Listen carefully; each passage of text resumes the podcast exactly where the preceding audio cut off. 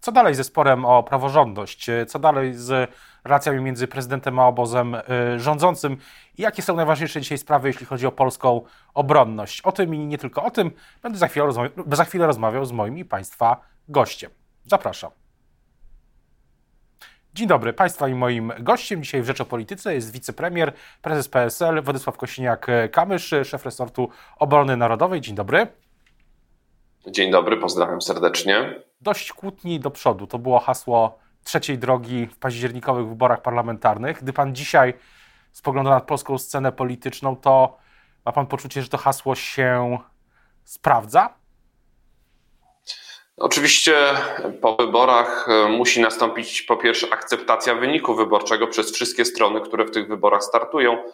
I mam takie wrażenie, że ci, którzy przegrali po ośmiu latach, ci, którzy odchodzą z rządu, nie potrafią tego zaakceptować. E, I ta frustracja, którą e, emanują, którą wyrażają, bardzo takie emocjonalne występy medialne w wielu kwestiach, powoduje, że E, ten proces dochodzenia do normalności oczywiście musi trwać. Chciałbym, żeby stało się to e, od razu. E, chciałbym, żeby te relacje między rządzącą większością a mniejszością, która jest w opozycji, były jak najbardziej poprawne i normalne, ale tego muszą chcieć dwie strony. My tego bardzo chcemy, pewnie szczególnie chce tego trzecia droga, ale musi być zrozumienie decyzji wyborców. Dopóki to w PiSie nie nastąpi, to pewnie o pełną taką normalność również tych relacji będzie, będzie trudno, ale nie, nie ustaniemy w tych zabiegach, w tym zabieganiu o to, żeby zakończyć wojnę polsko-polską. Jesteśmy na dobrej drodze do tego, ale musi być zrozumienie decyzji wyborców. Mówił Pan o takim e, możliwym resecie konstytucyjnym, o inicjatywie zmiany konstytucji. Na czym ona miałaby polegać i jaki jest jej mm, proces polityczny do, do, dotarcia do tej zmiany? Dlaczego wychodzimy z taką inicjatywą? E, dlaczego mówimy o tym, że jest potrzebny nowy rozdział dotyczący Trybunału Konstytucyjnego w polskiej e, konstytucji? Ponieważ od Trybunału Konstytucyjnego zaczynają się wszystkie wady systemowe, z którymi dzisiaj mamy do czynienia. Nie byłoby e, dywagacji nawet na temat zmian w prokuraturze, wielu kwestii, czy w telewizji, nie byłoby tej dyskusji, gdyby e, nie było grzechu popełnionego zaraz po przejęciu władzy przez PiS, czyli zniszczenia niezależności i wiarygodności Trybunału Konstytucyjnego. Czyli, żeby naprawić całościowo wymiar sprawiedliwości, to kompleksowo trzeba napisać nowe przepisy dotyczące Trybunału Konstytucyjnego, tak żeby one e, spełniały zasady związane z reprezentatywnością, z głosem wyborczym, niezależnością, pewnością obywateli, że się będą zgłaszać, to będą mogli dochodzić tam swoich praw. A czy, z czym mamy dzisiaj do czynienia? Jest e, jeden wniosek rozpatrywany w ciągu kilku godzin, a od roku jest nierozpatrzony wniosek pilny prezydenta Rzeczpospolitej e, dotyczący e, uruchomienia środków z KPO. Pamiętamy tą debatę dokładnie rok temu w styczniu. Unia Europejska czekała na ustawę dotyczącą zmienia, zmienienia miejsca funkcjonowania Izby Dyscyplinarnej sędziów. Taka ustawa przeszła przez parlament, my się wstrzymaliśmy od głosu, żeby nie przeszkadzać. Prezydent ją skierował do Trybunału, Trybunał do tej pory jej nie rozpatrzył. Pytanie... To pokazuje, jak wadliwy jest ten system, jak on patologicznie działa, jak jest bałagan tam. Trzeba to naprawić, zmieniając konstytucję w tym zakresie. A jaki jest proces polityczny? Rozmowy z, jest pan gotowy na rozmowę o tym z Prawem i Sprawiedliwością, z prezesem Kaczyńskim? Ja uważam, że każdy klub e, będzie miał szansę się na ten temat wypowiedzieć. Wszystkie kluby parlamentarne otrzymają e, stosowne propozycje. Oczywiście to musi przejść całą ścieżkę legislacyjną, ale jesteśmy do tego przygotowani, ponieważ uważamy, że należy poczynić ten wysiłek na rzecz naprawy całościowej naprawy wymiaru sprawiedliwości. To, co robi minister sprawiedliwości, jest bardzo ważne, bo on musi działać tu i teraz, nie może czekać. Proces zmiany konstytucji jest procesem wieloetapowym, wielomiesięcznym na pewno. Chciałbym, żeby była dobra wola ze strony e, opozycji, ze strony PiSu. Zapraszamy do tej e, normalnej dyskusji, dialogu na ten temat. Mam nadzieję, że jakakolwiek otwartość się z tamtej strony pojawi. A czy e, na teraz obóz rządzący będzie stosował się do wszystkich decyzji Trybunału Konstytucyjnego, bo dzisiaj ze strony Platformy czy polityków Platformy są takie sugestie, że tak może, że może tak nie być, że, że wyroki Trybunału nie będą, decyzje Trybunału nie będą wykonywane. Nasi poprzednicy nie wykonali kilku wyroków Trybunału, nie chcieli opublikować niektórych, nie wykonali wyroku Trybunału dotyczącego Rady Mediów Narodowych. Nie zajęli się również wyrokami, które zapadły wcześniej e, w, w różnych obszarach, choćby spraw związanych z niepełnosprawnością, e, wsparciem osób niepełnosprawnych. E, więc to nasi poprzednicy niech się wytłumaczą, czemu zburzyli ten system, czemu Trybunał przestał być wiarygodny, czemu doszło do, do tak patologicznych sytuacji. E, dzisiaj bez takiego całkowitego resetu w tym wymiarze, e, każda ze stron będzie e, w jakiś sposób podważać, czym oceniać, analizować te różnego rodzaju orzeczenia, nie tylko Trybunału Konstytucyjnego. Widzimy, to się dzieje również z analizą i z różnymi ocenami wyroków poszczególnych izb Sądu Najwyższego. Tam też jest potrzebna naprawa. No jeżeli jedna e, izba sądu, e, izba pracy wydaje zupełnie inne orzeczenie niż e, Izba Kontroli Nadzwyczajnej, która jest nieuznawana przez prawo międzynarodowe orzeczeniami Trybunału Sprawiedliwości Unii Europejskiej, no to zobaczmy, Szanowni Państwo, że Polska dzisiaj i Polacy nie mają pewności wobec prawa, pewności dochodzenia do sprawiedliwości. Tu jest potrzebna naprawa całego wymiaru sprawiedliwości. Liczymy bardzo na pana prezydenta. W tym tygodniu też e, Ministerstwo Sprawiedliwości ma przedstawiać założenia ustaw naprawiające wymiar sprawiedliwości. Liczymy na współpracę z prezydentem, na akceptację ustaw. Ja nie wierzę w te zapowiedzi, które gdzieś padają, że pan prezydent będzie e, wszystko wetował, e, każdą ustawę będzie wetował, no to byłoby bardzo szkodliwe, jeżeli taka doktryna by się pojawiła. Jest też w te zapowiedzi nie wierzę. Jest pan e, już umówiony z prezydentem na rozmowy właśnie o praworządności, ale też o obronności. Jest już jakiś termin spotkania, bo prezydent mówił, że, że będzie chciał się widywać z ministrami w różnych sprawach. Jestem oczywiście gotowy do rozmowy z panem prezydentem. Sprawy obronności są priorytetem. Sprawy obronności są priorytetem dla rządu, są priorytetem dla Polski i współdziałanie w sprawach bezpieczeństwa narodowego, bezpieczeństwa Rzeczpospolitej jest w ogóle wyjęte z jakiejkolwiek emocji politycznej. Możemy się różnić, e, możemy mieć różną e, ocenę polityczną również e, przeszłości, powoływać się na nie, nie, niektóre postacie o charakterze już historycznym, ale wciąż niezwykle ważne, tak jak Wincenty Witos, inaczej rozumieć słowa pan... i rolę Wincentego no Właśnie, ale nie ma pan... Ale w jednym, w jednym z panem prezydentem będziemy zgodni w, działa, w działaniach na rzecz bezpieczeństwa, na rzecz um, obronności Rzeczpospolitej. Czyli nie ma pan, e, nie ma pan urazy do mm, prezydenta za to powołanie się na Witosa w takim szczególnym kontekście, takim ofensywnym bym powiedział. Nie, nie, tylko trzeba, chodzi tutaj o wiarygodność. No, no, my walczymy o, i walczyliśmy o dobre imię Wincentego Witosa. Nie widzieliśmy wtedy wsparcia ani kancelarii pana prezydenta, e, ani obozu rządowego, e, który tworzył PiS. Wręcz przeciwnie, e, prokuratura, którą PiS zarządzał wówczas, przecież to jest maj 2023 roku, kiedy w Sądzie Najwyższym staje wniosek o zmazanie hańby Sądu Brzeskiego, o uniewinnienie Wincentego Witosa i innych skazanych w procesie brzeskim. To, to, było, to był jeden z najważniejszych e, decyzji Sądu Najwyższego w takim ujęciu historycznym i prawdy, i sprawiedliwości historycznej, która musi być oddawana niezależnie od miejsca i czasu. E, prokuratura, którą zarządzał PiS, e, wnioskowała o to, żeby nie uniewinnić Wincentego Witosa. Więc ktokolwiek się wywodzi z obozu PiSu, ktokolwiek jest związany z obozem PiSu i powołuje się na Wincentego Witosa, no to musi mieć w pamięci, no. że nic nie zrobił, żeby oczyścić Wincentego Witosa z hańby sądu brzeskiego. To tylko PSL z rzecznikiem praw obywatelskich Adamem Bodnarem ówczesnym i dzisiejszym rzecznikiem panem profesorem Wiąckiem doprowadziło do no. uniewinnienia skazanych w procesie brzeskim. Przez pokolenia o to walczyliśmy, 90 lat walczyliśmy o, o ten wyrok. Nie widziałem tam nikogo z PiSu przez te 90 lat. No PiS tyle nie funkcjonuje, ale przez 20 lat funkcjonowania PiSu nikt się nawet nie zająknął o tym. Więc wszystkie e, te gesty oszukańcze, bo to jest e, jednak oszustwo. Panie premierze, ale... Powoływać się na kogoś, a, a nie zrobić nic, żeby oczyścić jego dobre imię, traktuję jako rozgrywkę polityczną. Nie będę cię za to obrażał, bo wiem, jaka jest prawda i ludzie wiedzą, jaka jest prawda. Panie premierze, co do obronności, to jeszcze do niej przejdziemy, ale na razie jeszcze jedno krótkie pytanie o zupełnie inną sprawę, o Kraków. Czy będzie tam wspólny kandydat całej koalicji 15 października i czy będzie nim wiceminister Raś? Chciałbym, żeby był wspólny kandydat. Pan minister Raźma ma teraz e, odpowiedzialne zadania w Ministerstwie Sportu, Turystyki. E, kilkanaście dni temu został powołany w skład e, rządu, w skład kierownictwa Ministerstwa Sportu i Turystyki. Jest bardzo dobrym posłem, dostał super wynik.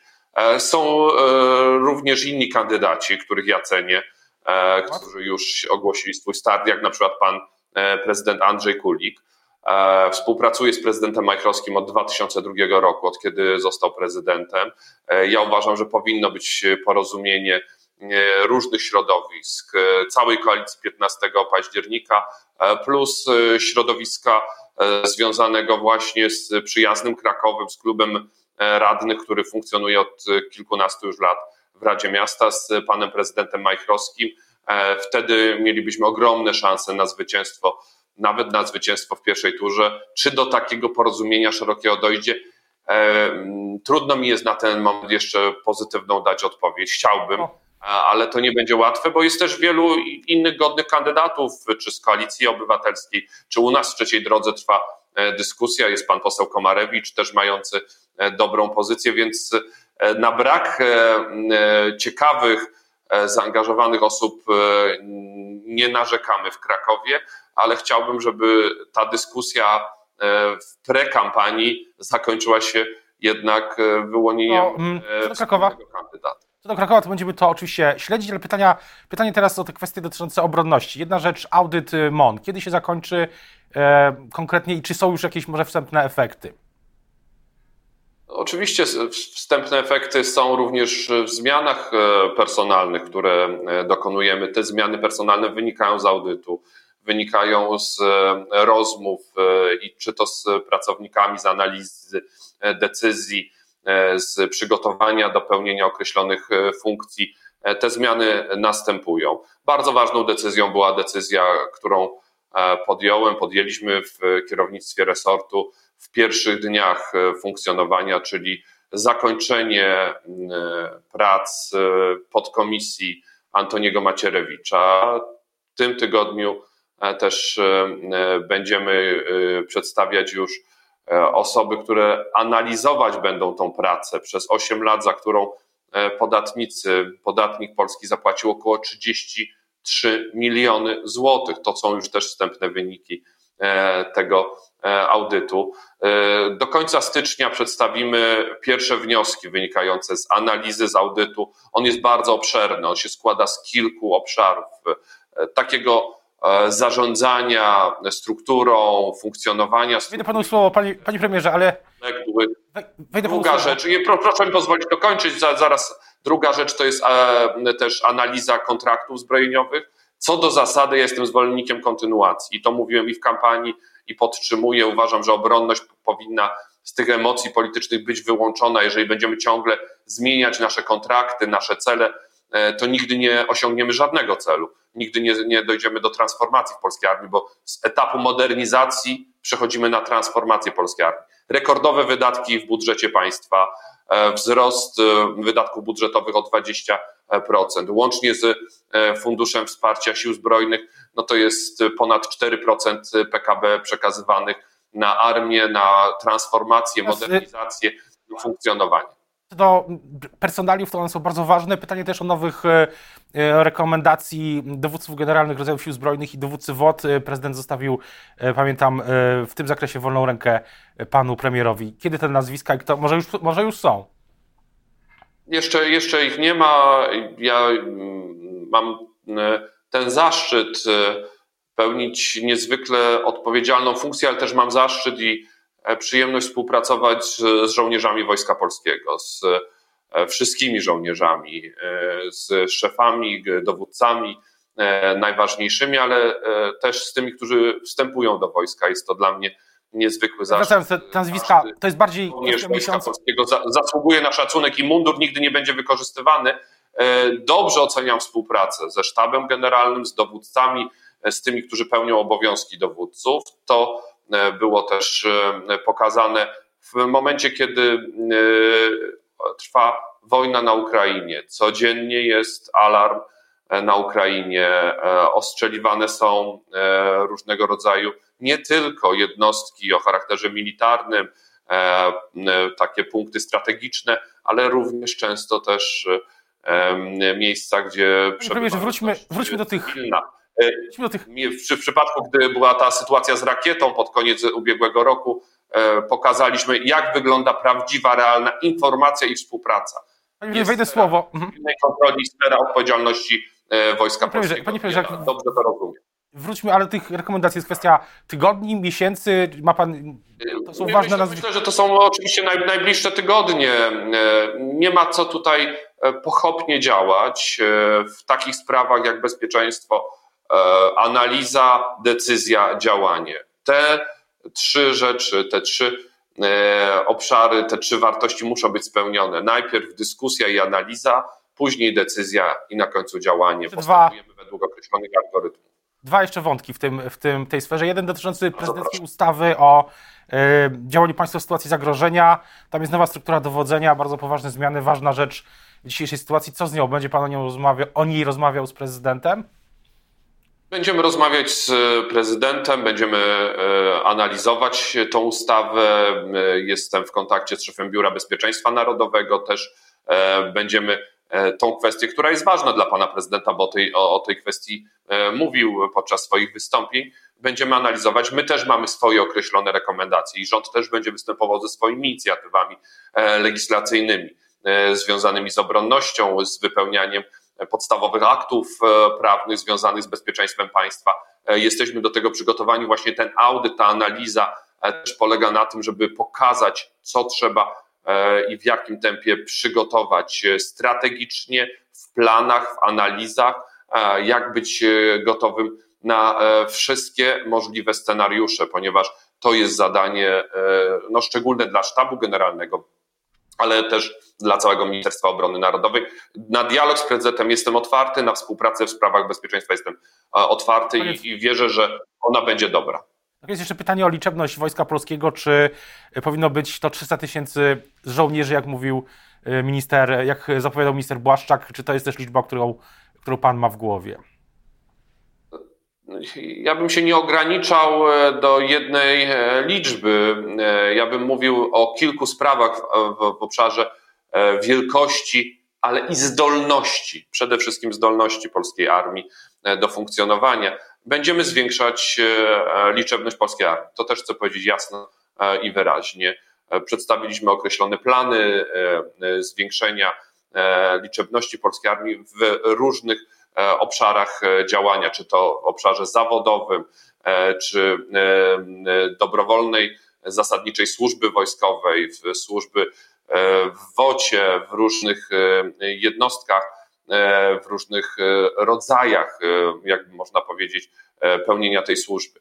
Więc będzie się zwiększać liczebność polskiej armii, będziemy to robić bardzo dynamicznie, ale za tym musi przyjść też możliwości przeszkolenia i wyszkolenia żołnierzy w Polsce, bo z tym jest, jest jakaś liczba... jak widzimy jest duży problem, więc szkolenie zdolności, zdolności, nie tylko liczebność, ale zdolności operacyjne są tutaj najważniejsze. W tym roku jest jakaś liczba nowych żołnierzy, którą ma Pan e, w głowie? O ile się zwiększy ta liczebność armii?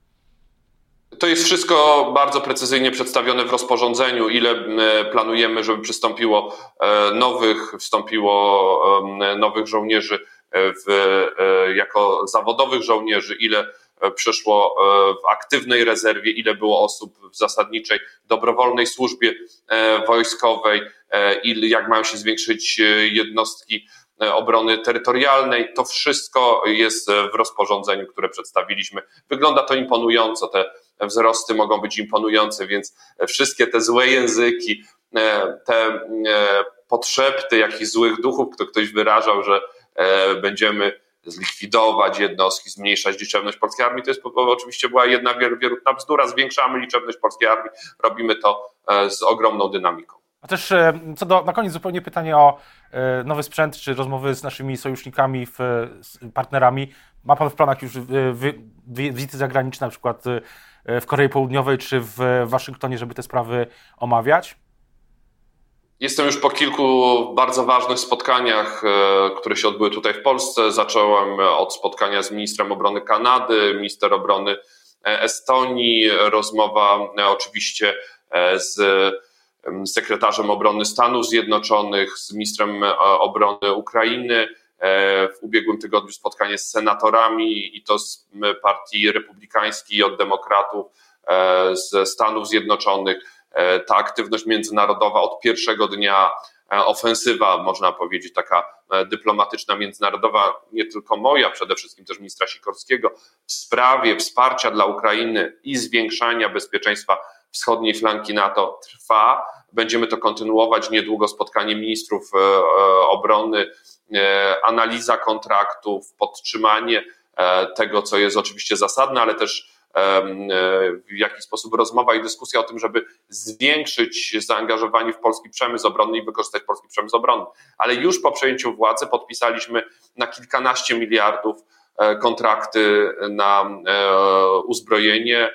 Szczególne zakupy dotyczą amunicji, która jest bardzo potrzebna, której brakuje, na całym świecie brakuje, więc tutaj też musimy uruchomić i polski przemysł zbrojeniowy musi przestawić się na dużo szybszą e, fazę e, produkcji, na taką dużo bardziej intensywną e, produkcję tym, niż to miało miejsce do tej pory. O tym też będziemy jeszcze pewnie wielokrotnie rozmawiać. Teraz bardzo już dziękuję za rozmowę Państwa i moim gościem. Dzisiaj był wicepremier, szef resortu obrony narodowej i prezes PSL Władysław Kośniak-Kamysz. Dziękuję bardzo. Dziękuję bardzo, miłego dnia.